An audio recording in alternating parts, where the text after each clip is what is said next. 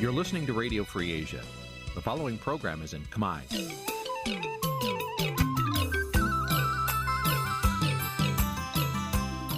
Nǐ chi càm bi tiệp xáy vệt chiu a zì sê នេះជាកម្មវិធីផ្សាយរបស់ Vithu Azisari ជាភាសាខ្មែរ វិទ្យុអាស៊ីសេរីសូមស្វាគមន៍លោកអ្នកនាងទាំងអស់ពីរដ្ឋធានី Washington នៃសហរដ្ឋអាមេរិក ពីរដ្ឋធានីវ៉ាស៊ីនតោនខ្ញុំបាទសេកបណ្ឌិតសូមជម្រាបសួរអស់លោកអ្នកនាងកញ្ញាទាំងអស់ជាទីមេត្រីយើខ្ញុំសូមជូនកម្មវិធីផ្សាយសម្រាប់ព្រឹកថ្ងៃពុធ10រោចខែមិញឆ្នាំខាលចត្វាស័កពុទ្ធសករាជ2566ត្រូវនៅថ្ងៃទី15ខែកុម្ភៈគ្រិស្តសករាជ2023បាទជាដំបូងនេះសូមអញ្ជើញអស់លោកអ្នកនាងស្ដាប់ព័ត៌មានប្រចាំថ្ងៃដែលមានមេតិការដូចតទៅ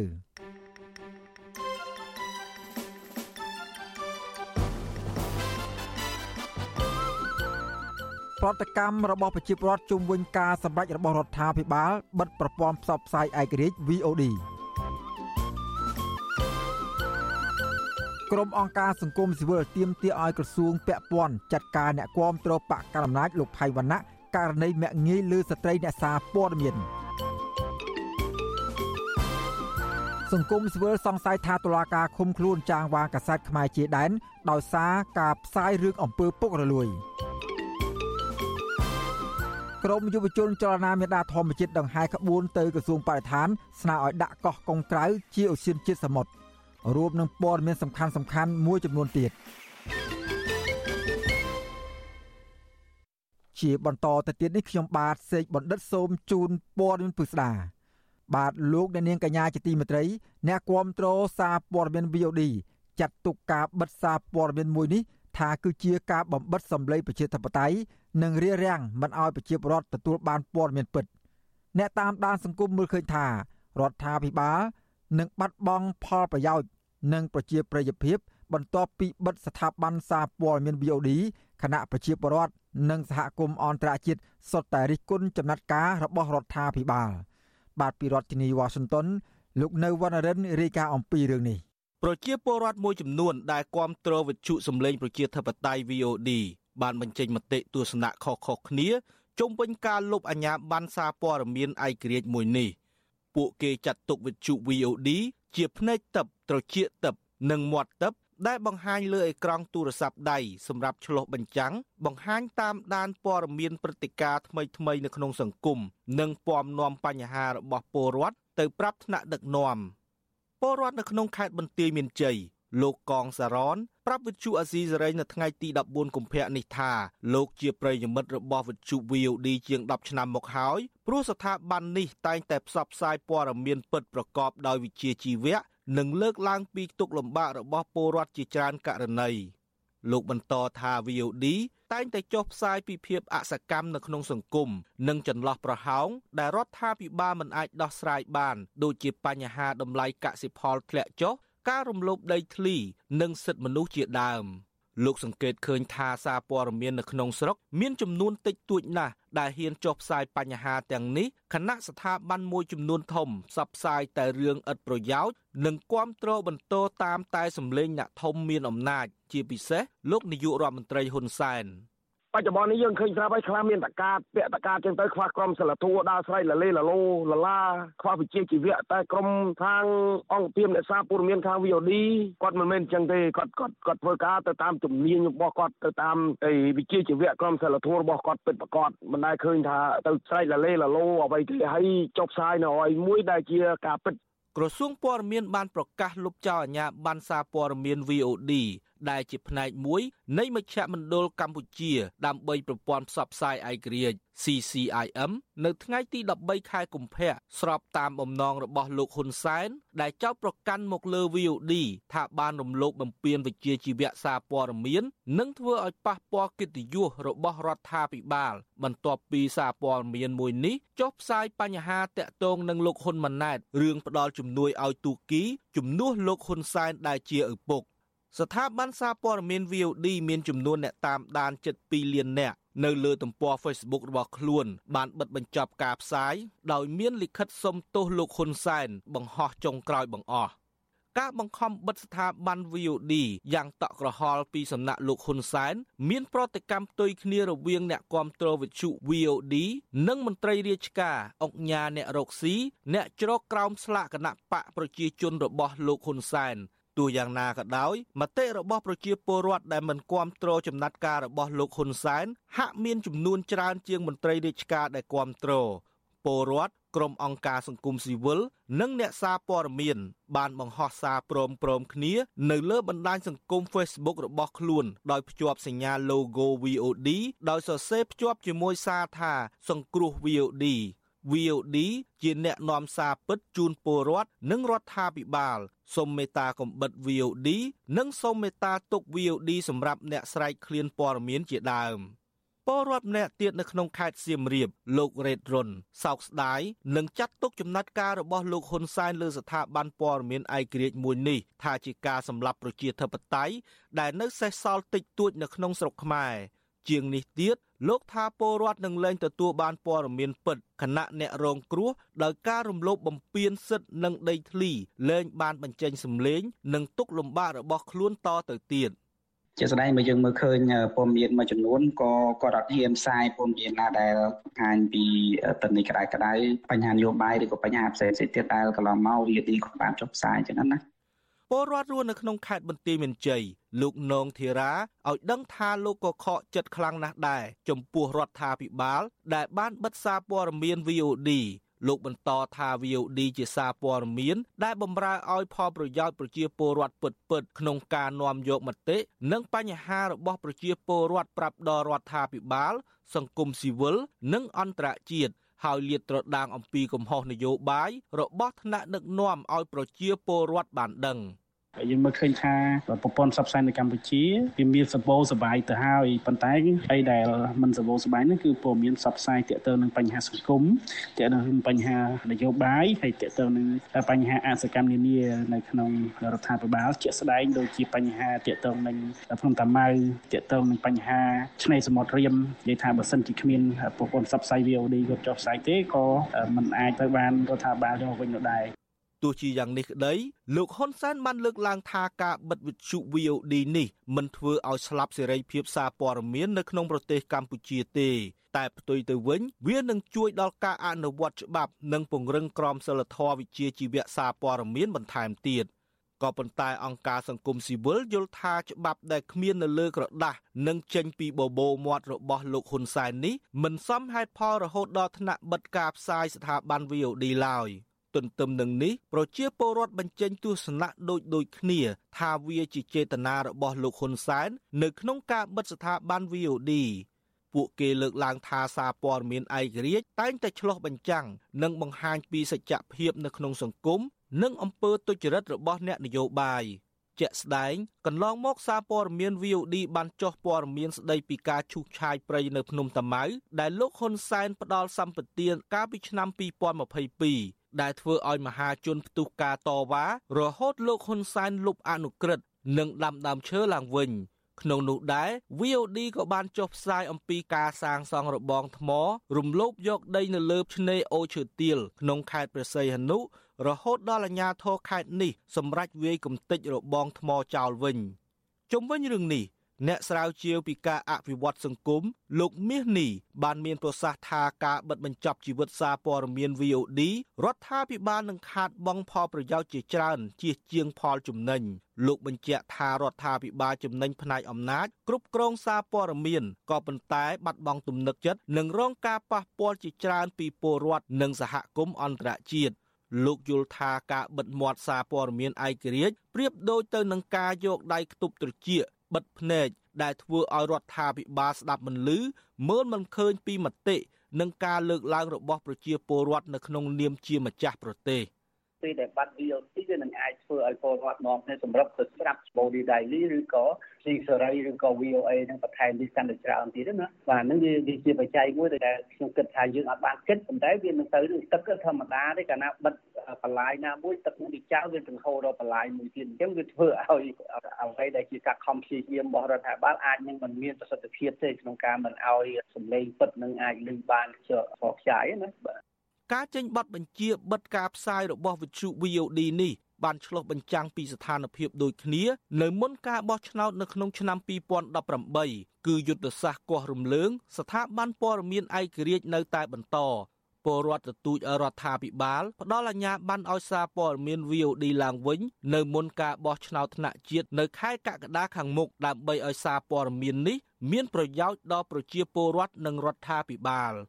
ខ្ញុំបាទនៅវណ្ណរិន with Chu Azizi Saray ពីរដ្ឋធានី Washington បាទលោកអ្នកនាងកញ្ញាជាទីមេត្រីពាក់ព័ន្ធនឹងការរំលោភសិទ្ធិស្ត្រីជាអ្នកសារព័ត៌មានវិញក្រុមអង្គការសង្គមស៊ីវិលផ្នែកសិទ្ធិមនុស្សនិងសិទ្ធិស្ត្រីជាង40រួមគ្នាចេញលិខិតចំហទៅរដ្ឋមន្ត្រីក្រសួងចំនួន4ទាមទារឲ្យមានចំណាត់ការទៅលោកផៃវណ្ណៈជាម្ចាស់ទំព័រ Facebook ផៃវណ្ណៈ News ចំពោះការប្រមាថមាក់ងាយនិងបៀតបៀនលើស្ត្រីជាអ្នកសារព័ត៌មាន សំណើរបស់ក្រុមអង្គការទាំងនេះធ្វើឡើងបន្ទាប់ពីលោកផៃវណ្ណៈបានបង្ហោះសារនៅលើ Facebook ដោយបានប្រមាថមាក់ងាយនិងបៀតបៀនលើស្ត្រីអ្នកសារព័ត៌មាន VOD លោកផៃវណ្ណៈបានផុសសារនៅលើ Facebook ដោយប្រើពាក្យប្រមាថមាក់ងាយលើស្ត្រីជាអ្នកសារព័ត៌មាន VOD នៅស្របពេលដែលលោកហ៊ុនសែនបានចោទប្រកាន់ថានាង បានសរសេរព័ត៌មានបំភ្លៃការពិតធ្វើឲ្យប៉ះពាល់ដល់កិត្តិយសលោកហ៊ុនម៉ាណែតនិងរដ្ឋាភិបាល បាទពីរដ្ឋធានី Washington អ្នកស្រីសុជីវីរាយការណ៍អំពីរឿងនេះក្រុមអង្គការសង្គមស៊ីវិលទាំងជាង40ចង់ឃើញរដ្ឋមន្ត្រីក្រសួងពាក់ព័ន្ធចាត់វិធានការផ្លូវច្បាប់តឹងរឹងលើលោកផាញ់វណ្ណៈនិងបង្គាប់ឲ្យកែតម្រូវពាក្យពេចន៍និងសំទោសស្ត្រីអ្នកកាសែត VOD ជាសាធារណៈនិងសាធារណជនទូទៅពលគឺព្រមទទួលកំហុសចំពោះការប្រមាថមាក់ងាយបៀតបៀនស្ត្រីភេទ រដ្ឋមន្ត្រីក្រសួងចំនួន4ដែលក្រុមអង្គការសង្គមស៊ីវិលស្នើឲ្យមានចំណាត់ការលើលោកផាញ់វណ្ណៈនោះរួមមានរដ្ឋមន្ត្រីក្រសួងកិច្ចការនារីអ្នកស្រីអឹងកន្ថាផាវីរដ្ឋមន្ត្រីក្រសួងព័ត៌មានលោកខៀវកញ្ញរិទ្ធរដ្ឋមន្ត្រីក្រសួងវប្បធម៌និងវិចិត្រសិល្បៈអ្នកស្រីភឿងសាកូណានិងរដ្ឋមន្ត្រីក្រសួងប្រៃសណីនិងទូរគមនាគមន៍លោកជាវ៉ាន់ដេតលិខិតចំហរបស់ក្រុមអង្គការសង្គមស៊ីវិលចេញកាលពីថ្ងៃទី14ខែកុម្ភៈម្សិលមិញឲ្យដឹងថា ការចាត់វិធានការផ្លូវច្បាប់ទៅលើទង្វើរបស់លោកផាញ់វណ្ណៈគឺដើម្បីផ្ដាល់កិត្តិយសដល់ស្ត្រីរងគ្រោះពីការប្រមាថនិងការបៀតបៀនផង និងដើម្បីកែប្រែការអនុវត្តឲ្យសមស្របតាមក្រមប្រតិបត្តិប្រព័ន្ធផ្សព្វផ្សាយសម្រាប់ការរាយការណ៍ព័ត៌មានអំពើហិង្សាលើស្ត្រី និងទប់ស្កាត់រាល់មេតិកាដែលបង្កប់ខ្លឹមសារប្រមាថមាក់ងាយស្ត្រី និងបុគ្គលគ្រប់អត្តសញ្ញាណ gender ជាមួយគ្នានេះក្រុមអង្គការសង្គមស៊ីវិលក៏ស្នើឲ្យក្រសួង បង្គាប់ឲ្យលោកផាញ់វណ្ណៈចូលខ្លួនទទួលវគ្គបណ្ដុះបណ្ដាលស្ដីពីរាយការណ៍ព័ត៌មានដែលយល់ដឹងត្រឹមត្រូវអំពី gender នៅក្នុងវិស័យសារព័ត៌មាននាយិកាអង្គការ gender និងអភិវឌ្ឍដើម្បីកម្ពុជាអ្នកស្រីអេងចន្ទឌីប្រាប់វិទ្យុអាស៊ីសេរីកាលពីយប់ថ្ងៃទី14ខែកុម្ភៈថាការប្រមាថមាក់ងាយស្ត្រីនៅក្នុងវិស័យសារព័ត៌មានធ្វើឲ្យប៉ះពាល់ធ្ងន់ធ្ងរទៅលើកិច្ចខិតខំប្រឹងប្រែងនានារបស់រដ្ឋាភិបាលក្នុងការលើកកម្ពស់សមភាព gender និងផ្ដល់ភាពអង្អាចដល់ស្ត្រីអញ្ចឹងអ្វីដែលគាត់បានលើកឡើងនោះវាវាប៉ះពាល់ខ្លាំងហើយពួកយើងមើលឃើញថាប្រសិនបើអត់មានចំណាត់ការណាមួយពីក្រសួងទេឬក៏អ្នកពាក់ព័ន្ធផ្សេងផ្សេងទេឬក៏គាត់មិនបានចេញមុខសុំទៅជាសាធារណៈដោយខ្លួនឯងទេដែលគាត់បានដឹងកំហុសទេវាធ្វើឲ្យ ចំនួនស្ត្រីក្នុងវិស័យសាស្ត្រព័ត៌មានជាពិសេសស្ត្រីវ័យក្មេងនឹងមានការធ្លាក់ចុះកាន់តែធ្លាក់ចុះរហូតធ្លាក់ចុះរហូតព្រោះរាល់ថ្ងៃនោះបើគិតទៅពី2021មកស្ថិតិរបស់ក្រសួងព័ត៌មាននោះបង្ហាញថាមានតែ9.4%ទេក្នុងចំណោម5000នាក់មានតែប្រហែល470នាក់ជាងទេអញ្ចឹងបើស្ត្រីវ័យក្មេងនៅតែរងការវាយប្រហារទាំងរឿងអនឡាញនិងអហ្វឡាញនៃនៃពើផ្សារហ្នឹងនឹងធ្វើឲ្យចំនួនស្ត្រីក៏ធ្លាក់ថយចុះនៅពេលលោកហ៊ុនសែនចោទប្រកាន់សារព័ត៌មាន VOD ថាផ្សាយព័ត៌មានមិនពិត មួលបង្កាច់ធ្វើឲ្យប៉ះពាល់ដល់កូនប្រុសរបស់លោកគឺលោកហ៊ុនម៉ាណែតនិងរដ្ឋាភិបាលរបស់លោកកាលពីថ្ងៃទី11ខែកុម្ភៈលោកផែងវណ្ណៈជាម្ចាស់ Facebook ផែងវណ្ណៈ News បានផុស Facebook ដោយប្រើសារមានន័យប្រមាថមាក់ងាយនិងបៀតបៀនស្ត្រីអ្នកយកព័ត៌មាន VOD ដែលបានរាយការណ៍ព័ត៌មាននោះព័ត៌មានដែលស្ត្រីអ្នកយកព័ត៌មាន VOD កញ្ញាប៉ាងសុខេងរាយការណ៍កាលពីថ្ងៃទី9ខែកុម្ភៈមានចំណងជើងថាមន្ត្រីរដ្ឋាភិបាលថៃការដែលលោកហ៊ុនម៉ាណែត ដើរតួនាទីជំនួសឪពុក ក្នុងការផ្ដល់ជំនួយឲ្យទូគី មិនមែនជារឿងខុសឆ្គងគឺជាព័ត៌មានដែលលោកហ៊ុនសែនប្រើជាលេសឈានទៅដល់ការបង្ខំបិទសារព័ត៌មាន VOD ទាំងបំពេញច្បាប់ កាលពីចុងសប្តាហ៍កន្លងទៅនេះវិទ្យុអាស៊ីសេរីមិនអាចសុំការឆ្លើយតបពីរដ្ឋមន្ត្រីនៃក្រសួងទាំង4នេះបាននៅឡើយទេ កាលពីយប់ថ្ងៃទី14ខែកុម្ភៈចំណែកលោកផៃវណ្ណៈក៏មិនអាចតាក់ទងបាននៅឡើយដែរ បើទោះជាយ៉ាងណាលោកផាញ់វណ្ណៈបានចេញវីដេអូនៅលើ Facebook កាលពីថ្ងៃទី12ខែកុម្ភៈឆ្លើយតបនឹងការរិះគន់លោកថាលោកចាំបាច់ត្រូវតបតនឹងអ្នកធ្វើខុសច្បាប់និងអ្នកប្រមាថថ្នាក់ដឹកនាំពិសេសអ្នកប្រមាថលោកហ៊ុនសែននិងលោកហ៊ុនម៉ាណែតបើទោះជាមិនបានទទួលស្គាល់ថាលោកប្រមាថមាក់ងាយបៀតបៀនលើស្ត្រីនាយកព័ត៌មាន VOD ក្តីក៏លោកទទួលស្គាល់ថាលោកនឹងប្រើពាក្យប្រមាថត្រឡប់ទៅអ្នកដែលលោកគិតថា បានប្រមាថមេដឹកនាំរដ្ឋាភិបាល ដែលលោកចាត់ទុកថាជាម៉ែឪរបស់លោកនាងប៉ាសខេងហ្នឹងគាត់បានចោតអៃដាមហ៊ុនម៉ាណែតទាំងបំពេញមូលបង្កាច់មនុស្សទាំងរស់ធ្វើឲ្យមហាជនដែលគេមិនដឹងរឿងជឿជេរគ្រប់គ្នាជេរប្រមាថរាជរដ្ឋាភិបាលជេរប្រមាថថ្នាក់ដឹកនាំជេរប្រមាថអៃដាមហ៊ុនម៉ាណែតជាហោហែអញ្ចឹងក្នុងនាមជាអ្នកគ្រប់គ្រងគឺគ្មានណានានៅស្ងៀមទេ ប្រៀបបានដូចជាយើងជាកូនឃើញគេប្រមាថម៉ែឪគ្មានកូនណានៅស្ងៀមទេគឺត្រូវតែតបតហើយតែតបតវាមានហើយវាគ្មានអ្នកឯងជេរប្រមាថម៉ែឪខ្ញុំខ្ញុំទៅច្រៀងឲ្យអ្នកឯងស្ដាប់ទេវាអត់មានទេលោកផៃវណ្ណៈក៏បានបង្ហោះសារឆ្លើយតបនឹងអង្គការសង្គមស៊ីវិលដែរថាលោកមិនបានមើលងាយស្ត្រីខ្មែរនោះទេអ្វីដែលលោកសរសេរគ្រាន់តែជាឧទាហរណ៍តែប៉ុណ្ណោះបើទោះជាយ៉ាងណា អ្នកស្រីអេងចន្ទឌីថាអ្វីដែលលោកផាញ់វណ្ណៈបានផុសកន្លងទៅ គឺតកតោនឹងសិលធម៌បុគ្គលមិនគួរផ្សារភ្ជាប់ទៅនឹងរឿងគាំទ្រមេដឹកនាំគណៈបកកាន់អំណាចនោះឡើយ។ ប៉ុន្តែអ្វីដែលគាត់បញ្ចេញមតិរបស់នោះវាលើសពីការគ្រប់គ្រងហ្នឹងវាបង្ហាញពីអតចរិតបង្ហាញពីសិលធម៌របស់គាត់ដែលយើងមើលមិនមែនតែទៅអ្នកកសែតក្នុងប្រទេសកម្ពុជាក៏ដូចជាអ្វីដែលរដ្ឋាភិបាលកំពុងធ្វើហើយនឹងដៃគូអភិវឌ្ឍផ្សេងផ្សេងហ្នឹងកំពុងឲ្យជំរុញឲ្យមានចំនួនស្ត្រីកើនឡើងក្នុងវិស័យសារព័ត៌មានផងជាពិសេសគឺស្ត្រីវ័យក្មេងហ្នឹងតែទង្វើរបស់គាត់បែរជាផ្ទុយផ្អាកទៅជាមួយនឹងចំនួនស្ត្រីនៅសារព័ត៌មានហ្នឹងទៅវិញលោកផៃមណៈត្រូវក្រសួងមហាផ្ទៃដកពីតំណែងជាអនុប្រធានការិយាល័យប្រឆាំងបទល្មើសបច្ចេកវិទ្យានៃនាយកដ្ឋានសន្តិសុខផ្ទៃក្នុង កាលពីខែកញ្ញាឆ្នាំ2015ដើម្បីស៊ើបអង្កេតពីបណ្ដឹងនានានិងករណីរំលោភច្បាប់បទបញ្ជាផ្ទៃក្នុងនគរបាលជាតិកាលពីឆ្នាំ2013 Facebook ដាក់ឈ្មោះថាផៃវណ្ណៈបានគម្រាមបាញ់7គ្រាប់ទៅលើលោកកឹមសុខា ដែលកាលនោះជាអនុប្រធានគណៈបកសង្គ្រោះជាតិប៉ុន្តែលោកផៃវណ្ណៈបានច្រានចោលការចោទប្រកាន់នោះដោយថ្លែងថាគណនី Facebook របស់លោកត្រូវបានគេលួចប្រើកាលពីឆ្នាំ2019លោកផៃវណ្ណៈ ដែលជាមន្ត្រីកងរាជអាវុធហត្ថបានជាប់ពន្ធនាគាររយៈពេល15ថ្ងៃបន្ទាប់ពីតុលាការបានកាត់ទោសដាក់ពន្ធនាគាររយៈពេល1ឆ្នាំ និងពិន័យជាប្រាក់4លានរៀលពីបទញុះញង់ឲ្យប្រព្រឹត្តបទឧក្រិដ្ឋជាអាត និងបរិហាកេប្តឹងដោយលោកហ៊ុនសែនប៉ុន្តែលោកត្រូវដោះលែងឲ្យមានសេរីភាពវិញក្រោយពីបានសារភាព និងសុំទោសលោកហ៊ុនសែននាងខ្ញុំសុជីវី With Shu Azizi Serai ពីរដ្ឋធានី Washington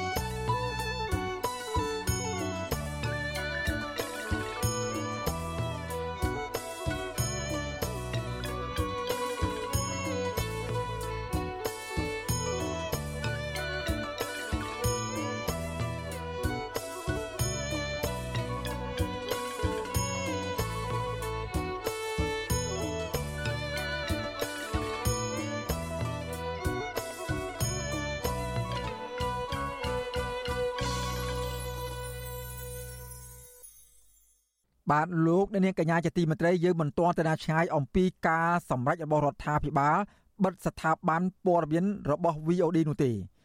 អង្គការសង្គមស៊ីវិលជាតិនិងអន្តរជាតិចំនួន93ស្ថាប័នទាមទាររដ្ឋាភិបាលកម្ពុជាអនុញ្ញាតឲ្យសារព័ត៌មាន VOD ដំណើរការឡើងវិញឆ្លើយតបនឹងការទាមទារនេះលោកនាយករដ្ឋមន្ត្រីហ៊ុនសែនចាត់ទុកការទាមទារទាំងនេះថាជាការជ្រៀតជ្រែកផ្ទៃក្នុងកម្ពុជា បាទលោកមានរិទ្ធ មានសេចក្តីរាយការណ៍អំពីរឿងនេះពីរដ្ឋធានីវ៉ាស៊ីនតោនអង្គការសង្គមស៊ីវិលជាតិនិងអន្តរជាតិសរុបចំនួន93ស្ថាប័នបានចេញសេចក្តីថ្លែងការណ៍រួមគ្នាមួយកាលពីថ្ងៃទី13ខែកុម្ភៈសម្ដែងការសោកស្ដាយចំពោះការសម្រេចចិត្តរបស់លោកនាយរដ្ឋមន្ត្រីហ៊ុនសែនដែលបានបញ្ជាឲ្យដកហូតអាជ្ញាប័ណ្ណសារព័ត៌មាន VOD ស្ថាប័នទាំងនោះរួមមានអង្គការអ្នកកាសែតគ្មានព្រំដែនសម្ព័ន្ធអ្នកកាសែតឯករាជ្យឥណ្ឌូនេស៊ីសហភាពអ្នកកាសែតជាតិហ្វីលីពីន និងមជ្ឈមណ្ឌលសម្រាប់សារព័ត៌មានស៊ើបអង្កេតម៉ាឡេស៊ីជាដើមសេចក្តីថ្លែងការណ៍លើកឡើងថាការបិទដំណើរការសារព័ត៌មាន VOD អាចបង្ហាញពីដំណើរធាក់ថយក្រោយស្ទើរតែទាំងស្រុងទាំងសេរីភាពសារព័ត៌មាន និងនីតិរដ្ឋនៅកម្ពុជា ស្ថាប័នទាំងនេះទទូចឲ្យរដ្ឋាភិបាលកម្ពុជាដោះស្រាយបញ្ហានេះប្រកបដោយការអត់ធ្មត់និងស្របទៅតាមច្បាប់ស្តីពីរបបសារព័ត៌មានរបស់កម្ពុជាឡើងវិញស្រដៀងគ្នានេះសមាជិកសភាសហព័ន្ធអូស្ត្រាលីក៏បានចេញសេចក្តីថ្លែងការណ៍មួយជុំវិញការបិទសារព័ត៌មាន VOD នេះដែរ សមាជិកសភាសហព័ន្ធអូស្ត្រាលីលោក Julian Hill ចាត់ទុកការបិទសារព័ត៌មាន VOD ថាគឺជាល្បិចកលដ៏គួរឲ្យអាម៉ាស់របស់លោកហ៊ុនសែននៅក្នុងការកម្ចាត់សារព័ត៌មានឯករាជ្យនៅមុនការបោះឆ្នោតជាតិនាឆ្នាំ2023នេះលោកដាក់ជាចម្ងល់ថាខណៈដែលលោកនាយរដ្ឋមន្ត្រីអាចបញ្ជាឲ្យបិទសារព័ត៌មានឯករាជ្យត្រឹមតែរយៈពេល24ម៉ោងតើគេអាចចាត់ទុកកម្ពុជា មានរបបដឹកនាំតាមបែបប្រជាធិបតេយ្យបានយ៉ាងដូចម្តេច លោកបន្ថែមថារដ្ឋាភិបាលអូស្ត្រាលីគួរតែប្រុងប្រយ័ត្នចំពោះការផ្ដោតទំនុកចិត្តទៅលើការបោះឆ្នោតនៅកម្ពុជា ដែលទំនងជាមិនអាចមានភាពត្រឹមត្រូវនិងយុត្តិធម៌នោះទេជុំវិញរឿងនេះលោកនាយរដ្ឋមន្ត្រីហ៊ុនសែនក៏បានឆ្លើយតបទៅនឹងប្រតិកម្មនឹងការរិះគន់គ្រប់មជ្ឈដ្ឋានជុំវិញការបិទសារព័ត៌មាន VOD នេះ លោកហ៊ុនសានសរសេរនៅលើទំព័រ Facebook របស់លោកនៅថ្ងៃទី14ខែកុម្ភៈដោយបញ្ជាក់ជាថ្មីថានឹងគ្មានការផ្លាស់ប្ដូរនៅក្នុងការបិទសារព័ត៌មាន VOD នេះឡើយលោកហ៊ុនសែនចាត់ទុកការស្នើសុំទាំងឡាយរបស់សហគមន៍អន្តរជាតិថាគឺជាការជ្រៀតជ្រែកកិច្ចការផ្ទៃក្នុងរបស់កម្ពុជា ហើយការបិទសារព័ត៌មាន VOD មិនបានធ្វើឲ្យសេរីភាពសារព័ត៌មាននៅកម្ពុជា ស្លាប់នោះឡើយ លោកហ៊ុនសែនក៏បានផ្ដល់ឱកាសឲ្យបុគ្គលិកសារព័ត៌មាន VOD ដាក់ពាក្យទៅក្រសួងមុខងារសាធារណៈដើម្បីទទួលបាននូវការងារក្របខ័ណ្ឌរដ្ឋតាមជំនាញរៀងៗខ្លួនដោយឡែកក្រសួងការបរទេសកម្ពុជា បានចេញសេចក្តីថ្លែងការណ៍មួយនៅថ្ងៃទី14ខែកុម្ភៈដែលលើកឡើងថាការដកហូតអាជ្ញាប័ណ្ណសារព័ត៌មាន VOD គឺជាការអនុវត្តច្បាប់ស្តីពីរបបសារព័ត៌មានតែប៉ុណ្ណោះ ក្រសួងការបរទេសកម្ពុជា សង្កត់ធ្ងន់ថាការអះអាងថាជាសារព័ត៌មានសេរីនិងឯករាជ្យមិនមែនជាអាជ្ញាប័ណ្ណដើម្បីបំពានច្បាប់ដោយនីតិរដ្ឋភាពនោះទេទោះជាយ៉ាងណាការលើកឡើងថាការដកហូតអាជ្ញាប័ណ្ណសារព័ត៌មាន VOD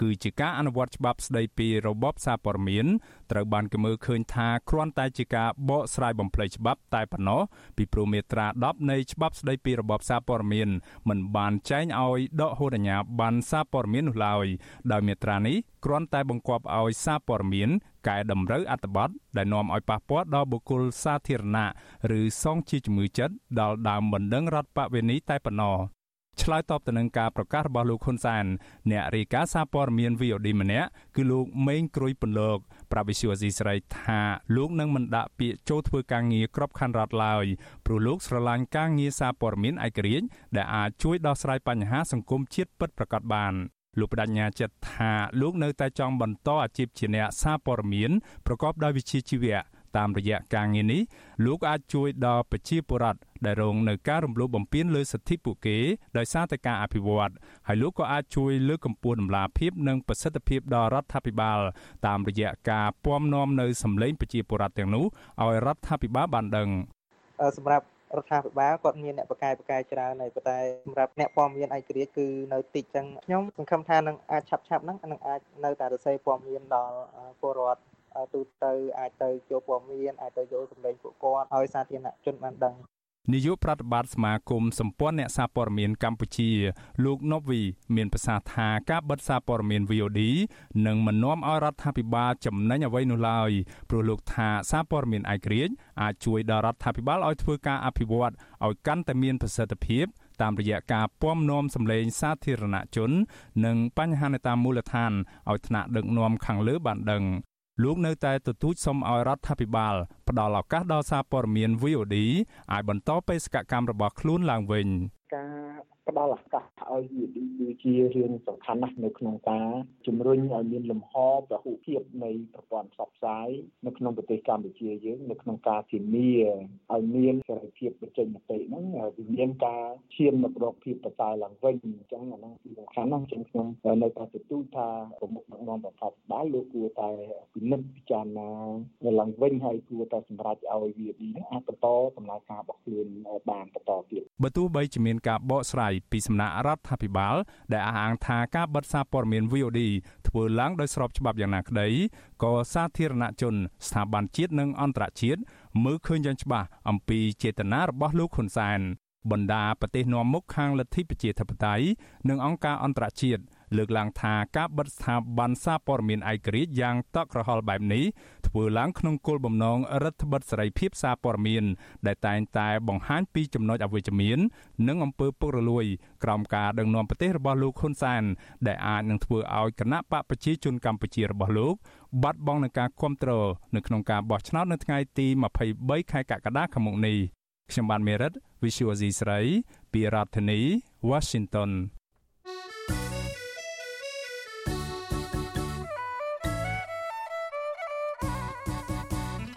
បាទលោកដានៀងកំពុងតាមដានស្ដាប់ការផ្សាយរបស់វិទ្យុអសីសេរីពីរដ្ឋធានីវ៉ាស៊ីនតោនសហរដ្ឋអាមេរិក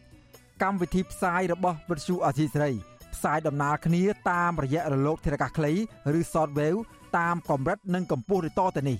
ពេលព្រឹកចាប់ពីម៉ោង5កន្លះដល់ម៉ោង6កន្លះតាមរយៈប៉ុស SW 9.39 MHz ស្មើនឹងកម្ពស់ 32m និងប៉ុស SW 11.85 MHz ស្មើនឹងកម្ពស់ 25m ពេលយប់ចាប់ពីម៉ោង7កន្លះដល់ម៉ោង8កន្លះតាមរយៈប៉ុស FW 9.39 MHz ស្មើនឹងកម្ពស់ 32m ប៉ុស SW 11.88 MHz ស្មើនឹងកម្ពស់ 25m និងប៉ុស SW 15.15 MHz ស្មើនឹងកម្ពស់ 20m បាទសូមអរគុណ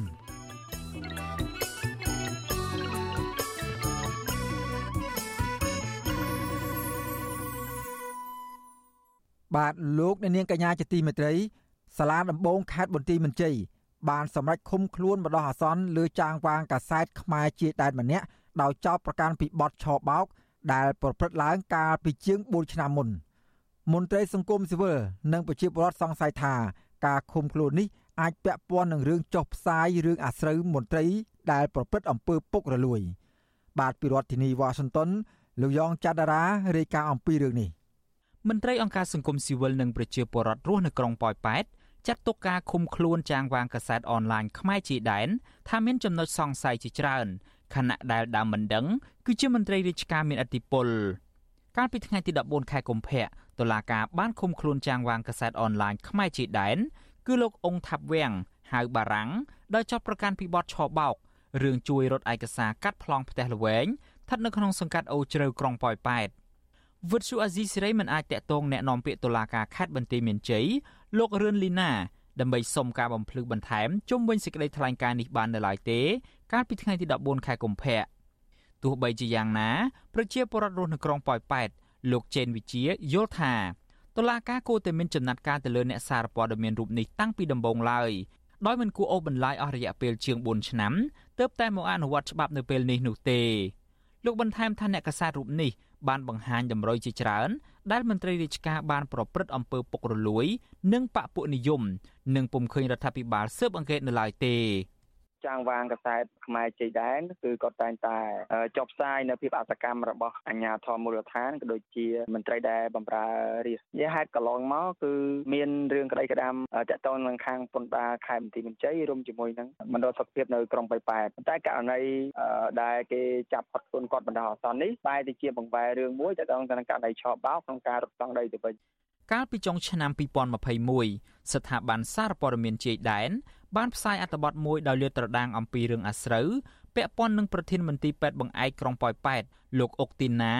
និងបកពួកថាបានប្រព្រឹត្តអំពើពុករលួយជាប្រព័ន្ធនិងបង្កើតឲ្យមានបកពួកនិយមជាដើមរីឯបុគ្គលិករងគ្រោះមួយចំនួនបានដាក់ពាក្យបណ្ដឹងទៅអង្គភាពប្រឆាំងអំពើពុករលួយ តែមកដល់ពេលនេះពុំទាន់ឃើញមានដំណោះស្រាយនៅឡើយទេ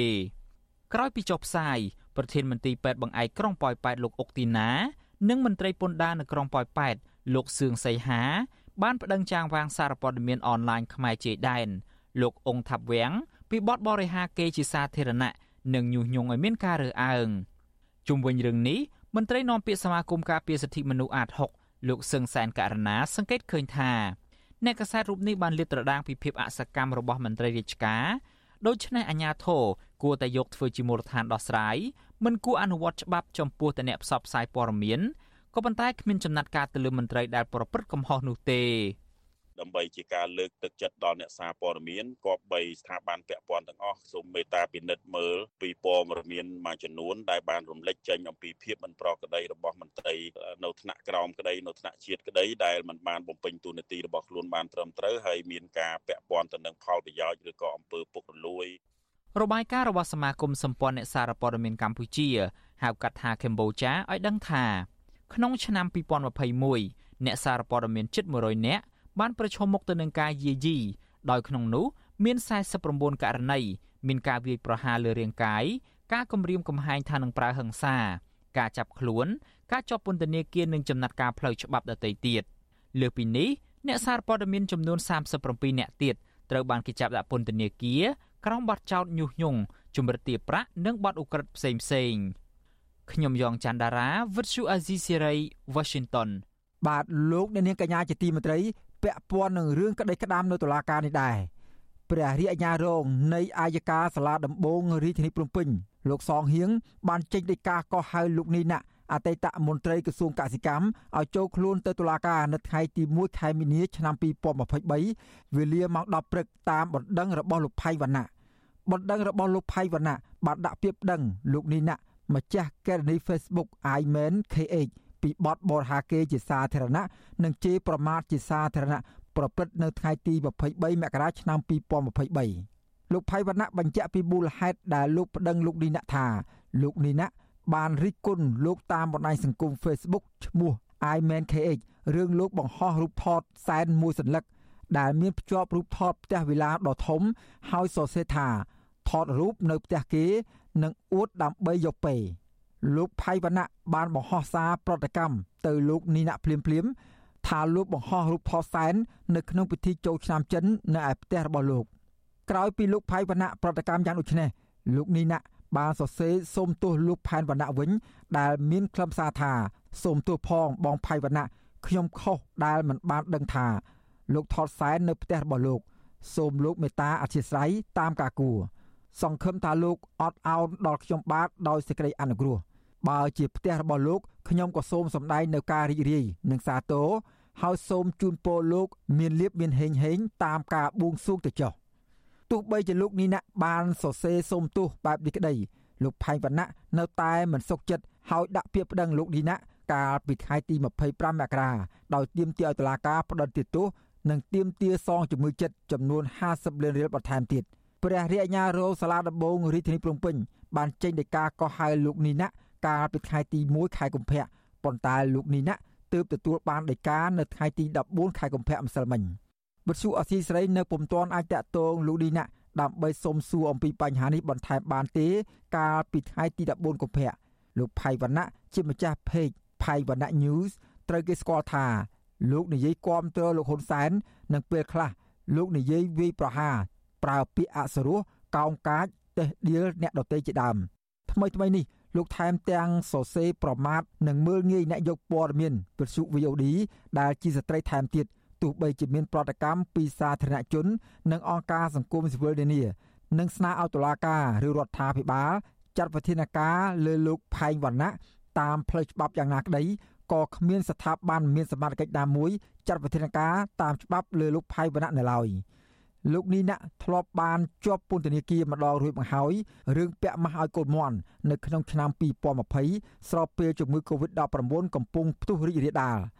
សាលាដំបងរាជធានីភ្នំពេញសម្រាប់ផ្ដន់ទោសលោកនីណាក់អតីតមន្ត្រីក្រសួងកសិកម្មដាក់ពន្ធនាគារមួយឆ្នាំ6ខែពីនៃជាប្រាក់ចំនួន2លានរៀលក្រោមបទចោទប្រកាន់ពីបទជេរប្រមាថនិងញុះញង់ឲ្យមានការរើសអើងតាមបណ្ដាញសង្គម Facebook ឈ្មោះ iMenKH ក្រោយពីលោកជាប់ទោសគ្រប់ចំនួនទើបតុលាការដោះលែងឲ្យនៅក្រៅឃុំវិញ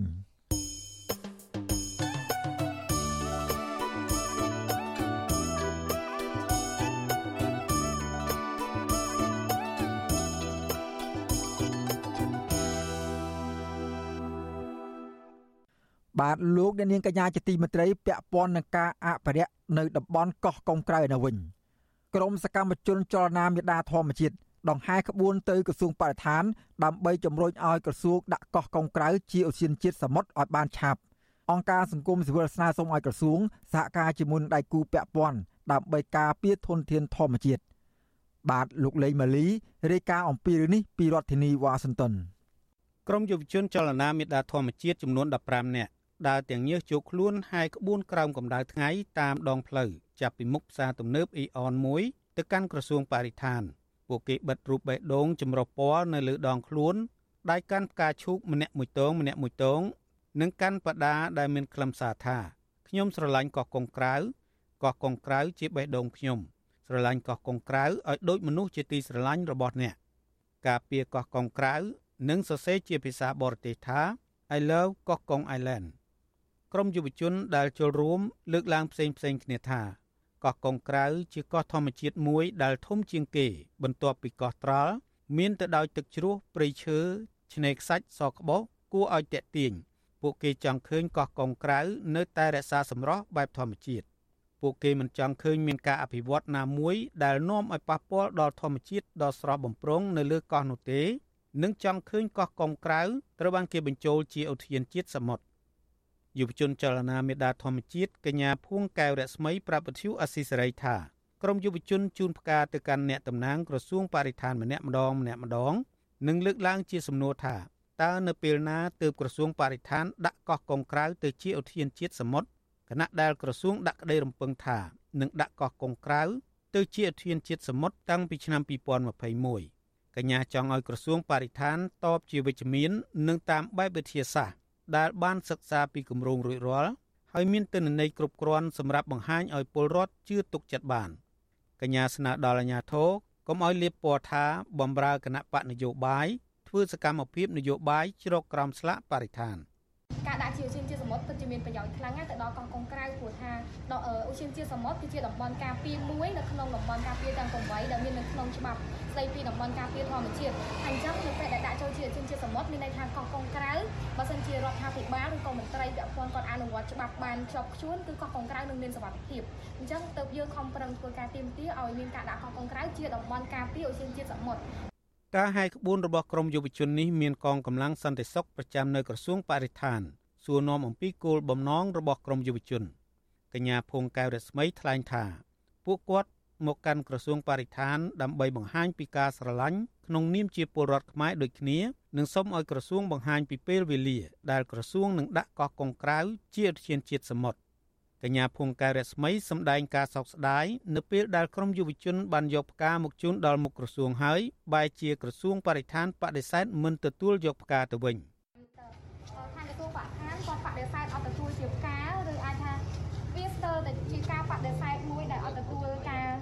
ការឆ្លាញ់ពីយុវជនទៅហើយព្រោះផ្កានេះនៅថ្ងៃនេះគឺតំណាងឲ្យការឆ្លាញ់រាប់អានក្នុងនាមជាយុវជនដែលតែងតែចូលរួមការពារធនធានធម្មជាតិព្រៃឈើជាពិសេសកោះកុងក្រៅទៅកាន់ក្រសួងបរិស្ថានប៉ុន្តែបែរជាត្រូវបានបដិសេធនៅថ្ងៃនេះហើយពួកយើងបានមកដល់ខាងមុខផ្ទះទៅហើយបើមិនជាយើងនិយាយគឺភ្ញៀវមកដល់ខាងមុខផ្ទះហើយប៉ុន្តែជាអកុសលថ្ងៃនេះគឺម្ចាស់ផ្ទះអត់ទទួលយើងទេក្រសួងបរិស្ថានអត់ស្វាគមន៍នៅក្នុងការទទួលផ្កាកញ្ញាភួងកែវរស្មីបញ្ជាក់ថាក្រមយុវជនធ្លាប់ដាក់ញត្តិទៅក្រសួងបរិស្ថានរួចហើយ តាំងតែពីថ្ងៃទី23ខែសីហា ឆ្នាំ2022មកទល់នឹងពេលនេះក្រសួងមិនទាន់មានការឆ្លើយតបណាមួយមកក្រុមយុវជននៅឡើយទេពាក់ព័ន្ធករណីនេះមន្ត្រីសម្របសម្រួលនៃសមាគមបណ្ដាញយុវជនកម្ពុជា លោកអូតឡាទីនថ្លែងថាសកម្មភាពរបស់យុវជននៅថ្ងៃនេះគឺបង្ហាញពីការគោរពស្រឡាញ់របស់ពួកគេក្នុងការជំរុញឲ្យមានកិច្ចសហប្រតិបត្តិការរវាងក្រមយុវជន និងក្រសួងបរិស្ថាន ដើម្បីដាក់កោះកុងក្រៅ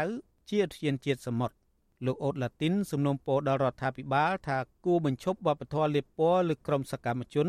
លើក្រុមសកម្មជនយុវជនដែលស្រឡាញ់និងការពារបរិស្ថានធនធានធម្មជាតិហើយងាកមកលើកទឹកចិត្តពួកគេឲ្យបន្តសកម្មភាពដើម្បីចូលរួមថែរក្សាធនធានធម្មជាតិបន្តទៀត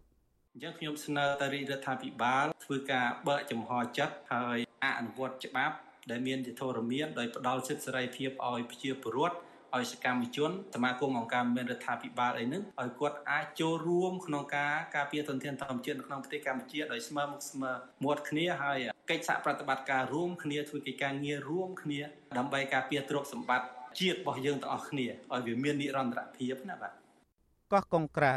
គ្របដណ្ដប់ដោយព្រៃឈើក្រាស់ឃ្មឹកអមដោយទឹកជ្រោះជាច្រើនកន្លែង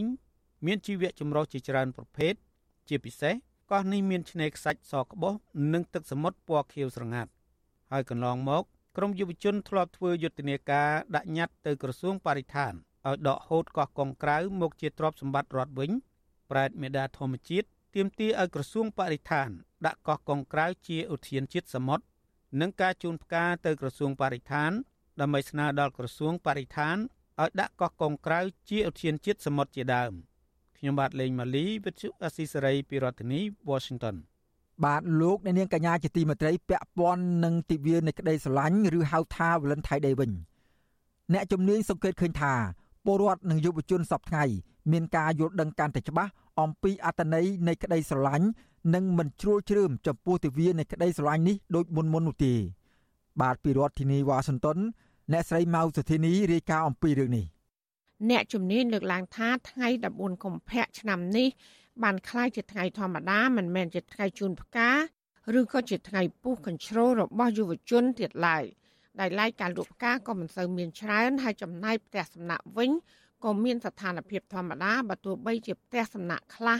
មានការបញ្ចុះតម្លៃពិសេសក្នុងថ្ងៃនេះក្តី អ្នកស្រាវជ្រាវអំពីសុខភាពសាធារណៈលោកតុងសុប្រាជ្ញប្រាប់បច្ចុប្បន្នស្រីថាថ្ងៃនៃក្តីស្រឡាញ់នេះមិនមែនជាបញ្ហាធំនៅក្នុងសង្គមខ្មែរទៀតឡើយលោកឲ្យដឹងដូច្នេះក្រោយពីលោកបានចុះអង្កេតប្រមាណថ្ងៃនិងនៅថ្ងៃទី14កុម្ភៈដែលជាថ្ងៃនៃក្តីស្រឡាញ់លោកតុងសុប្រាជ្ញលើកឡើងថាពេលនេះយុវជនមិនបានចាត់ទុកថ្ងៃ14កុម្ភៈ ជាថ្ងៃពិសេសទៀតហើយឬក៏ជាថ្ងៃដែលត្រូវបង់ខ្លួនបង់ប្រានដើម្បីបង្ហាញក្តីស្រឡាញ់ចំពោះគូស្នេហ៍លោកថាការលក់ផ្កានៅតែបន្តមានក៏ប៉ុន្តែបរដ្ឋទិញផ្កាភាគច្រើន គឺទិញជូនប្តីប្រពន្ធឪពុកម្ដាយនិងមនុស្សដែលគេរាប់អាន ពលគឺច្រើនជាងការទិញផ្កាជូនសង្សារ លោកឲ្យដឹងដែរថាលោកក៏បានចុះអង្កេតតាមផ្ទះសំណាក់ហើយក៏ឃើញមានស្ថានភាពធម្មតាបើទោះបីជាផ្ទះសំណាក់ខ្លះឆ្លៀតបញ្ចុះតម្លៃពិសេសក្នុងថ្ងៃនេះក្តី។ ហើយដីស្រឡាញ់នឹងវាលែងជាបញ្ហាដែលយើងត្រូវតែបដោតអារម្មណ៍ខ្លាំងទៅលើការអឺពុះកញ្ជ្រោលរបស់គាត់ទៅលើគឺការចង់និយាយថាយើងយើងគិតថាលែងលែងជាបញ្ហាធំយ៉ាងគេថាវាទៅជាធម្មតាយើងឲ្យគាត់ទៅធម្មតាថ្ងៃដីស្រឡាញ់មនុស្សទូទៅជាពិសេសឥឡូវនេះការលក់ឲ្យតែទិញឲ្យពុនគាត់ណាគឺមួយក៏ទិញឲ្យកូនគាត់ដែរណាលោកតុងសុប្រាជតែងតែសិក្សាស្រាវជ្រាវរៀងរាល់ឆ្នាំ នៅថ្ងៃក្តីស្រឡាញ់ដែលលោកធ្វើការងារនេះអស់រយៈពេល15ឆ្នាំមកហើយរៀងរាល់5ឆ្នាំម្ដងលោកក៏បានចេញរបាយការណ៍ដែលបានរកឃើញ នៅថ្ងៃនៃក្តីស្រឡាញ់នេះនៅឆ្នាំ2024ខាងមុខគឺគម្រប់ឆ្នាំដែលលោកនឹងចេញរបាយការណ៍5ឆ្នាំម្ដងដើម្បីដាក់ជូនទៅរដ្ឋាភិបាលនិងអ្នកពាក់ព័ន្ធ ស្រដៀងគ្នានេះដែរប្រធានអង្គការសម្ព័ន្ធភាពការពារសិទ្ធិមនុស្សកម្ពុជាហៅកាត់ថាច្រាក់លោករស់សថាក៏បានធ្វើដំណើរតាមដងផ្លូវមួយចំនួន នៅក្នុងរាជធានីភ្នំពេញដើម្បីអង្កេតពីទស្សនវិជ្ជាទូទៅ នៅថ្ងៃទី14ខែកុម្ភៈលោកថាថ្ងៃនេះមានអ្នកលួចផ្កាខ្លះដាក់លក់តាមដងផ្លូវនិងដាក់លក់នៅមុខផ្ទះ លោកឃើញបរដ្ឋបានយកថ្ងៃនេះធ្វើជាថ្ងៃដើម្បីបង្កើនក្តីស្រឡាញ់ដល់អ្នកនៅជុំវិញខ្លួន និងសាច់ញាតិរបស់ពួកគេដែលខុសពីពេលមុនមុនយុវជនមួយចំនួនតែងតែយកថ្ងៃក្តីស្រឡាញ់នេះគិតនៅក្នុងន័យផ្លូវស្នេហាទៅវិញ។ អឺដូចថាលែងបដោតទៅរឿងគូសង្សារណាតាមអង្កេតមើលទៅចឹងទេខ្ញុំក៏សង្ឃឹមថាជាប្រដ្ឋពិសេសយុវជននឹងគឺថាយកពីវានៃសេចក្តីស្រឡាញ់នេះគឺថាធ្វើម៉េចផ្សាយនៃសេចក្តីស្រឡាញ់របស់យើងឲ្យបានទូទៅពិសេសជាមេត្តាបិតាអ្នកដែលជាទីស្រឡាញ់របស់យើងមានតាំងពីកូនមានតាំងពីអានឹងពួកពីគូសង្សារទៅទៀតណាញាតិចិត្តខាងជាជនជនរួមជាតិក៏ដូចជាពិភពលោកនិងសពសត្វទាំងអស់ណា តកតងនឹងរឿងនេះដែរអ្នកប្រើប្រាស់បណ្ដាញសង្គម Facebook មួយចំនួនក៏បានបង្ហោះសារជំរុញទៅយុវជនកុំឲ្យគិតថាថ្ងៃក្តីស្រឡាញ់នេះគឺសំដៅទៅលើស្នេហាប្រុសស្រីក៏ប៉ុន្តែគួរយកទិវានេះជាការចែករំលែកក្តីស្រឡាញ់ទៅមនុស្សគ្រប់រូបគ្នានិងរួមគ្នាកសាងអំពើល្អម្ចាស់ Facebook ឈ្មោះសាន់ម៉ាឡាលើកឡើងថាបដូរថ្ងៃ14កុម្ភៈពីការជូនបាច់ផ្កាមកជូនជាសភៅអានវិញ។ លោកក៏បានប្រកាសផ្ដល់សិភៅមួយចំនួន តាមរយៈបណ្ដាញសង្គមនេះផងដែរចាតតងរឿងនេះដែរក្រសួងអប់រំនិងក្រសួងវប្បធម៌បានចេញសារអប់រំនិងទប់ស្កាត់ភាពមិនប្រក្រតីនៅក្នុងថ្ងៃនៃក្តីស្រឡាញ់នេះលិខិតក្រសួងអប់រំយុវជននិងកីឡាកាលពីថ្ងៃទី7ខែកុម្ភៈលើកឡើងថាយុវជនមួយចំនួនតូចភ្លើតភ្លើន ភ្លេចការសិក្សាបាត់បង់សេចក្តីថ្លៃថ្នូរជាបុគ្គល និងក្រុមគ្រួសារប្រជាវប្បធម៌និងប្រពៃណីជាតិក្រសួងអប់រំសម្រាប់ចាត់វិធានការទប់ស្កាត់សកម្មភាព មិនប្រក្រតីនៅថ្ងៃក្តីស្រឡាញ់នេះនៅតាមគ្រឹះស្ថានសិក្សាសាធារណៈនិងឯកជន ក្នុងនោះរួមមានការបញ្យល់ពីអត្តន័យនៃទិវាក្តីស្រឡាញ់ពង្រឹងការអនុវត្តវិន័យសាលាហើយត្រូវភ្ជាប់ទំនាក់ទំនងជាមួយមេដាបេដា ឬអាណាព្យាបាលសិស្សនិងសហគមន៍ដើម្បីផ្ដល់និងទទួលព័ត៌មានពាក់ព័ន្ធនឹងសកម្មភាពមិនប្រក្រតីដែលប្រព្រឹត្តដោយសិស្សសម្ដៅរួមសហការគ្នាទប់ស្កាត់អប់រំណែនាំនិងកែលម្អឲ្យបានទាន់ពេលវេលាចំណែកក្រសួងវប្បធម៌វិញក៏បានចេញលិខិតដែរដោយបញ្ជាក់ថាទិវានៃក្តីស្រឡាញ់ គួរជាឱកាសមួយក្នុងការចែកចាយនិងធានានៅក្តីស្រឡាញ់ប្រកបដោយភាពទូលំទូលាយនិងសន្តានចិត្តស្មោះសរចំពោះមនុស្សដែលនៅជុំវិញខ្លួនវប្បធម៌របស់ប្រទេសលោកខាងលិច បានចូលមកសង្គមខ្មែរជាង20ឆ្នាំមកហើយចាននាងខ្ញុំម៉ៃសុធានីវិទ្យុអាស៊ីសេរីប្រធានាធិបតី Washington បាទលោកអ្នកនាងកញ្ញាជាទីមេត្រីពាក់ព័ន្ធនឹងថ្ងៃនៃសេចក្តីស្រឡាញ់នេះដែរក្រមយុវជនខ្មែរថាវរៈ ធ្វើយុទ្ធនាការនៃទិវាសេចក្តីស្រឡាញ់នៅមុខពន្ធនាគារខេត្តព្រះវិហារដើម្បីទាមទារយុត្តិធម៌ជូនកញ្ញាសេងធារីរួមទាំងអ្នកទស្សនយោបាយនិងសកម្មជនសង្គមដែលកំពុងជាប់ឃុំមន្ត្រីសិទ្ធិមនុស្សថាការអំពាវនាវរបស់រដ្ឋាភិបាលឲ្យផ្ដល់យុត្តិធម៌ដល់សកម្មជននយោបាយនិងសិទ្ធិមនុស្សគឺដើម្បីស្ដារប្រជាធិបតេយ្យនិងការគោរពសិទ្ធិមនុស្សឡើងវិញ បាទពីរដ្ឋធានីវ៉ាស៊ីនតោនលោកទីនសាការីយ៉ារាយការណ៍អំពីរឿងនេះ ថ្ងៃទី14កុម្ភៈគឺជាទិវានៃសេចក្តីស្រឡាញ់ដែលមនុស្សទូទៅផ្ញើសារនៃសេចក្តីស្រឡាញ់ទៅកាន់គ្រួសារមិត្តភ័ក្តិបងប្អូនជាដើមប៉ុន្តែក្រុមយុវជនខ្មែរថាវរៈប្រមាណជា10នាក់វិញបាននាំគ្នាធ្វើដំណើរចម្ងាយផ្លូវរាប់រយគីឡូម៉ែត្រពីទីក្រុងភ្នំពេញទៅកាន់មុខពន្ធនាគារខេត្តព្រះវិហារបង្ហោះសារពេញប៉ងអមដោយដៃកាន់ផ្កាឈូកលើកបដាដើម្បីបង្ហាញការគោរពស្រឡាញ់និងនឹករំលឹកដល់វីរភាពរបស់កញ្ញាសេងធារី រួមទាំងអ្នកទោសមនសិការទាំងអស់ដែលកំពុងតែជាប់ឃុំក្រោមហេតុផលនយោបាយទោះជាយ៉ាងណាសកម្មភាពសម្ដែងមតិដោយសន្តិវិធីមិនបានធ្វើឲ្យអាជ្ញាធរដល់តាមឃ្លាំមើលនោះពេញចិត្តនោះទេផ្ទុយទៅវិញអាជ្ញាធរបោះពាក្យចោទប្រកាន់ដល់ក្រុមយុវជនថា បង្កចលាចលដល់អ្នកជាប់ឃុំទៅវិញប៉ុន្តែសមត្ថកិច្ចមិនបានរារាំងឬបង្ក្រាបសកម្មភាពនេះដោយលើកមុនមុននោះទេទោះជាយ៉ាងណាក្រុមយុវជនបានចាត់ទុកការចោទប្រកាន់របស់អាជ្ញាធរ គឺជាការចោទប្រកាន់ហួសហេតុដោយគ្រាន់តែពួកគេចង់ផ្ញើសារនៃសេចក្តីស្រឡាញ់នេះទៅកាន់កញ្ញាសេងធារីដែលកំពុងតែជាប់ឃុំឃាំងសមាជិកយុវជនខ្មែរថាវរៈកញ្ញាសុគន្ធតឡាប្រាវិទ្យុអាស៊ីសេរីថាយុវជនមិនដាល់ភ្លេចវីរភាពក្លាហានរបស់កញ្ញាសេងធារីនោះឡើយដែលកញ្ញាបានលះបង់ដ៏ធំធេងសម្រាប់បុព្វហេតុសិទ្ធិសេរីភាពនិងយុត្តិធម៌នៅក្នុងសង្គមកញ្ញាយល់ថាការបណ្ដោះផ្នត់គំនិតរបស់កញ្ញាសេងធារីកន្លងមក បានផ្ដល់នូវគំរូល្អសម្រាប់យុវជនចំនួនក្រោយយកទៅរៀនសូត្រនិងចេះឈឺឆ្អាលពីរឿងបញ្ហាសង្គមនិងនយោបាយយុវជនសង្ឃឹមថាសារនេះនឹងលើទៅដល់កញ្ញាសេងធារីព្រមទាំងផ្ញើសារទៅកាន់រដ្ឋាភិបាលថាការឃុំខ្លួនចោទប្រកាន់លើកញ្ញាសេងធារីនិងចាប់អ្នកទោសមនសិការដាក់ពន្ធនាគារនោះគឺជារឿងមិនត្រឹមត្រូវហើយកញ្ញាទាមទារឲ្យតុលាការប្រកុលសិទ្ធិសេរីភាពជូនពួកគេវិញ។ បងស្រីសេនជូរីគឺគាត់ប្រើសិទ្ធិជាពលរដ្ឋគឺដើម្បីចូលរួមតស៊ូមតិចូលរួមទាមទាររាល់សិទ្ធិសេរីភាពរបស់គាត់ប៉ុន្តែបែរជាត្រូវអាជ្ញាធរនិងរាជរដ្ឋាភិបាលនឹងចាប់គាត់អានេះយើងមើលឃើញថារាជរដ្ឋាភិបាលនេះគឺកំពុងតែបិទសិទ្ធិសេរីភាពពលរដ្ឋខ្លាំងមែនទែនថ្ងៃនេះសារមួយនេះមិនមែនจะពូបងស្រីសេងជេរីតែម្នាក់ទេគឺយើងចូលរួមផ្ដល់សារនៃក្តីស្រឡាញ់គឺទូទាំងប្រទេសដែលអ្នកជាប់ពន្ធនាគារមិនថាអ្នកទស្សនយោបាយអ្នកទស្សនសង្គម ក្រុមយុវជនឲ្យដឹងទៀតថាអាញាធរមិនអនុញ្ញាតឲ្យអ្នកណាក្រៅពីក្រុមគ្រួសាររបស់កញ្ញាសេងធារីដែលជាប់ឃុំដែលមានឈ្មោះនៅក្នុងសិភៅគ្រួសារនោះអាចចូលសួរសុខទុក្ខកញ្ញាសេងធារីនៅក្នុងពន្ធនាគារបានឡើយតែយ៉ាងណាពួកគេសង្ឃឹមថាសារនៃសេចក្តីស្រឡាញ់នេះនឹងលើទៅដល់កញ្ញាសេងធារីនៅក្នុងពន្ធនាគារក្រុមយុវជនខ្មែរថាវរៈតែងតែចេញតវ៉ាសម្ដែងមតិរឿងអយុត្តិធម៌សង្គមជាញឹកញាប់ជាពិសេសករណីសំណុំរឿងអ្នកជំនាញផ្នែកច្បាប់គឺកញ្ញាសេងធារីតែម្ដង។ សកម្មភាពក្រុមយុវជនខ្មែរថាវរៈទាំងនោះទទួលបានការចាប់អារម្មណ៍ពីមហាជនទូទៅជាស្ដែងកាលពីចុងឆ្នាំ2022ពួកគេបាននាំគ្នាធ្វើកតកម្មបង្អត់អាហាររយៈពេលមួយសប្តាហ៍ដើម្បីទាមទារយុត្តិធម៌ជូនដល់អ្នកទោសមនសិការមេធាវីការពារក្តីឲ្យកញ្ញាសេងធារីគឺលោកមេធាវីសំតិតសង្ហាឲ្យដឹងថាស្ថានភាពសុខភាពនិងស្មារតីកូនក្តីរបស់លោកនៅតែរឹងមាំដដែលប៉ុន្តែលោកថារហូតមកទល់ពេលនេះ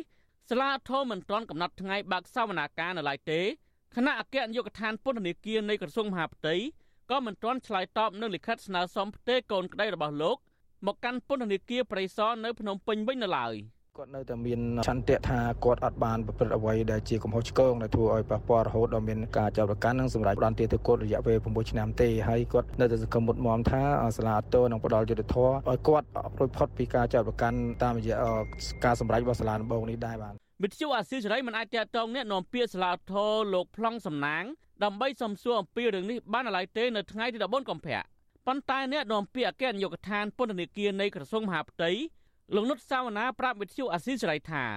ក្រសួងមហាផ្ទៃមិនទាន់ផ្ញើលិខិតរបស់មេធាវីស្នើសុំផ្ទេរកញ្ញាសេងធារីពីពន្ធនាគារខេត្តព្រះវិហារនៅឡើយទេលោកបន្ថែមថាមូលហេតុដែលខាងពន្ធនាគាររត់បន្តឹងការចូលទៅសួរសុខទុក្ខកញ្ញាសេងធារីខុសពីអ្នកជាប់ឃុំដទៃទៀតដោយលោកចោទថាកញ្ញាសេងធារីស្ថិតនៅក្នុងចំណោមមនុស្សប្រឈមនឹងអសន្តិសុខខ្ពស់ដោយពន្ធនាគារចោទប្រកាន់ថាសារនយោបាយរបស់កញ្ញាសេងធារីញុះញង់បង្កគ្រោះថ្នាក់ដល់សន្តិសុខសង្គម។ យើងអត់មានខុសអីទេអានេះយើងធ្វើទៅតាមវិជ្ជាជីវៈរបស់យើងក្នុងនាមជាមន្ត្រីសន្តិសុខមួយដែរទោះបីគាត់ជាស្ត្រីភេទដែលមានជាកាយថាមិនមែនជាមនុស្សថាប្រេផ្សាយពីខាងក្រៅប៉ុន្តែពាក្យសម្ដីគាត់វាអាចជាអត្តពលមួយចំនួនដែលយើងគិតថាវាអាចបង្កស្ថានភាពដល់សំសុខសាធារណៈដែរទោះជាបែបនេះក្តីមេធាវីការពារក្តីឲ្យកញ្ញាសេងធារីបញ្ជាក់ថាទោះជាកញ្ញាជាប់ឃុំ កញ្ញាសេនធរីនៅតែមានសិទ្ធិជួបជុំជាមួយមិត្តភ័ក្តិបងប្អូននិងមានសិទ្ធិទទួលបានព័ត៌មានស្របតាមច្បាប់លោកយល់ថាការដែលអគ្គនាយកដ្ឋានពន្ធនាគារអះអាងនេះគឺគ្រាន់តែជាការលើកឡើងនៅការបារម្ភមិនសមហេតុផលនោះទេប៉ុន្តែស្ថានភាពជាក់ស្ដែងកូនក្តីរបស់លោកជាមនុស្សស្លូតបូតគោរពគោលការណ៍ពន្ធនាគារនិងចង់ចែករំលែកចំណេះដឹងល្អៗដល់អ្នកជាប់ឃុំដូចគ្នាដោយកញ្ញាមិនបានបង្កអសន្តិសុខសង្គមអ្វីនោះឡើយ។ លោកមេធាវីសំតិតសង្ហាបញ្ជាក់ថាលោកនឹងយកករណីទាំងនេះជជែកជាមួយកញ្ញាសេងធារីឆាប់ឆាប់ខាងមុខនេះក្រុមអង្គការសង្គមស៊ីវិលលើកឡើងថាការផ្ទេរកញ្ញាសេងធារីយកទៅឃុំនៅពន្ធនាគារខេត្តព្រះវិហារគឺជាការបង្កនីតិវិធីស្មុគស្មាញមិនឲ្យសាច់ញាតិនិងអង្គការសង្គមស៊ីវិលចូលសួរសុខទុក្ខកន្លងមកគឺជាការចង់បំបាក់ស្មារតីកញ្ញាកុំឲ្យបន្តលើកកម្ពស់សិទ្ធិសេរីភាពនិងលទ្ធិប្រជាធិបតេយ្យនៅកម្ពុជា។ ជុំវិញនឹងរឿងនេះនាយកទទួលបន្ទុកទូតនៃអង្គការសិទ្ធិមនុស្សលីកាដូលអំសំអាត មានប្រសាសន៍ថាសកម្មភាពយុវជនខ្មែរថាវរៈទៀមទាដើម្បីយុត្តិធម៌សង្គមគឺជារឿងត្រឹមត្រូវក្នុងការចូលរួមលើកកម្ពស់សិទ្ធិសេរីភាពនៅក្នុងសង្គមប្រជាធិបតេយ្យលោកបញ្ជាក់ថាសហគមន៍ជាតិនិងអន្តរជាតិនៅតែចាត់ទុកថាការចាប់ឃុំខ្លួនកញ្ញាសេងធារីគឺជារឿងនយោបាយច្រើនជាងការអនុវត្តច្បាប់ពីព្រោះសកម្មភាពរបស់កញ្ញាសេងធារីកន្លងមក គឺជាការអនុវត្តសិទ្ធិសេរីភាពជាមូលដ្ឋានញាសេនតរីបានបង្ហាញនៅសកម្មភាពជាច្រើនដែលជាគំរូ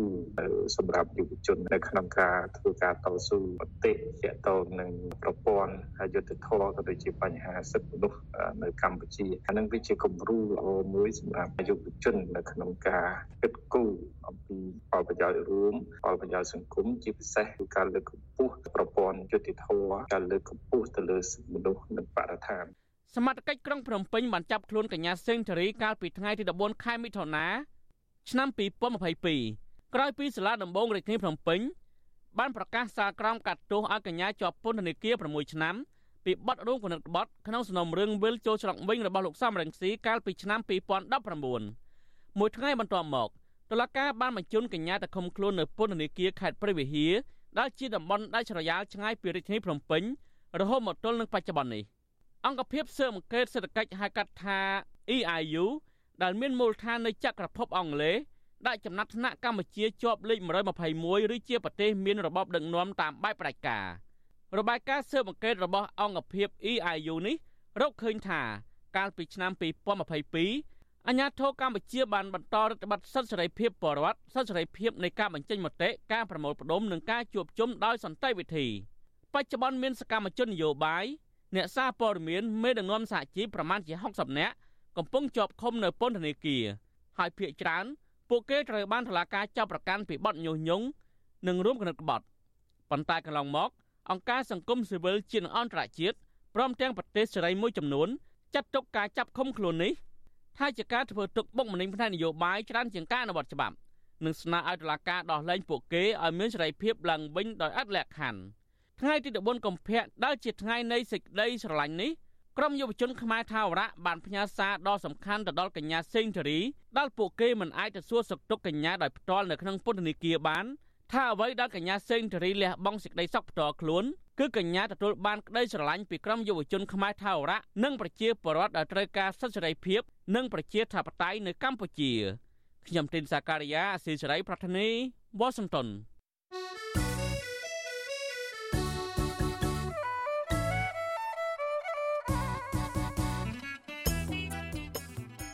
បាទលោកនាងកញ្ញាជាទីមេត្រីក្រៅពីការតាមដានស្ដាប់ការផ្សាយរបស់វិទ្យុអស៊ីសេរីតាមបណ្ដាញសង្គម Facebook YouTube Telegram លោកអ្នកនាងក៏អាចតាមដានស្ដាប់ការផ្សាយរបស់យើងខ្ញុំតាមរយៈបណ្ដាញសង្គម Instagram របស់វិទ្យុអស៊ីសេរីតាមរយៈតំណភ្ជាប់ www.instagram.com/rfa ខ្មែរ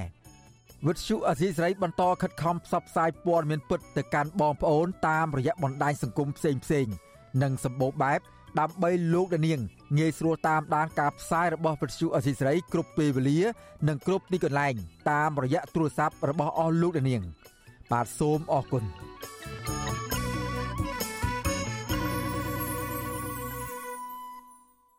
បានលោកនាងកញ្ញាជាទីមេត្រីកម្មវិធីផ្ដួចផ្ដើមរបស់រដ្ឋាភិបាលអាមេរិក ប្រកាសអំពីភាពជាដៃគូជាមួយនឹងក្រុមហ៊ុនខ្មែរចំនួន3ថ្មីទៀតដើម្បីជំរុញកំណើនសេដ្ឋកិច្ចនៅកម្ពុជា កម្មវិធីផ្ដួចផ្ដើមរបស់រដ្ឋាភិបាលអាមេរិកនិងទីភ្នាក់ងារសហរដ្ឋអាមេរិកដើម្បីអភិវឌ្ឍអន្តរជាតិហៅកាត់ថា USAID ប្រកាសភាពជាដៃគូថ្មីជាមួយនឹងក្រុមហ៊ុនឯកជនផ្នែកវិស្វកម្មចំនួន3រួមមានក្រុមហ៊ុន BRM Agro សហករណ៍សរីរាង្គខ្មែរនិងក្រុមហ៊ុនលៀងលេង ដើម្បីពង្រីកសេដ្ឋកិច្ចដល់កសិករខ្នាតតូច និងលទ្ធភាពលក់ផលិតផលនៅទីផ្សារក្នុងស្រុកនិងអន្តរជាតិទុនវិនិយោគសរុបរបស់ក្រុមហ៊ុនទាំង3និងមូលនិធិដែលគ្រប់គ្រងពីភ្នាក់ងារ USAID មានតម្លៃសរុប4លាន4សែនដុល្លារហើយជាងពាក់កណ្ដាលបានមកពីទុនវិនិយោគរបស់ក្រុមហ៊ុនដោយផ្ទាល់ក្រុមហ៊ុន BRM Agro មានទីតាំងនៅខេត្តកំពង់ធំ បានវិនិយោគលើដំណាំស្រូវម៉ាស៊ីនកិនស្រូវនិងដំណើរការលើឡសម្ងួតដោយបានប្រមូលទិញស្រូវពីកសិករខ្នាតតូចតូចនិងបានបង្កើនបរិមាណនាំចេញអង្ករក្រអូបប្រកបដោយគុណភាពខ្ពស់រីឯសហករណ៍សរីរាង្គខ្មែរគឺជាក្រុមហ៊ុនលក់ផលិតផលកសិកម្មសរីរាង្គដោយប្រមូលទិញពីកសិករខ្នាតតូចនៅក្នុងស្រុកនិងចូលរួមកាត់បន្ថយការនាំចូលបន្លែពីបរទេសចំណែកក្រុមហ៊ុនលៀងលេងវិញក៏ជាសហគ្រាសផលិតទឹកត្រី និងទឹកស៊ីអ៊ូទឹកខ្មេះទឹកម្ទេសនិងទឹកសៀងព្រមទាំងព្រីងខ្យងផងដែរសម្រាប់ផ្គត់ផ្គង់ដល់ភោជនីយដ្ឋាន និងផ្សារទំនើបកម្មវិធីផ្ដួចផ្ដើមរបស់រដ្ឋាភិបាលអាមេរិកមានគោលដៅឆ្លើយតបទៅនឹងគ្រោះអត់ឃ្លាន និងសន្តិសុខស្បៀងព្រមទាំងគាំទ្រយ៉ាងទូលំទូលាយដើម្បីជំរុញការអភិវឌ្ឍសេដ្ឋកិច្ចតាមរយៈសហការជាមួយនឹងវិស័យឯកជន។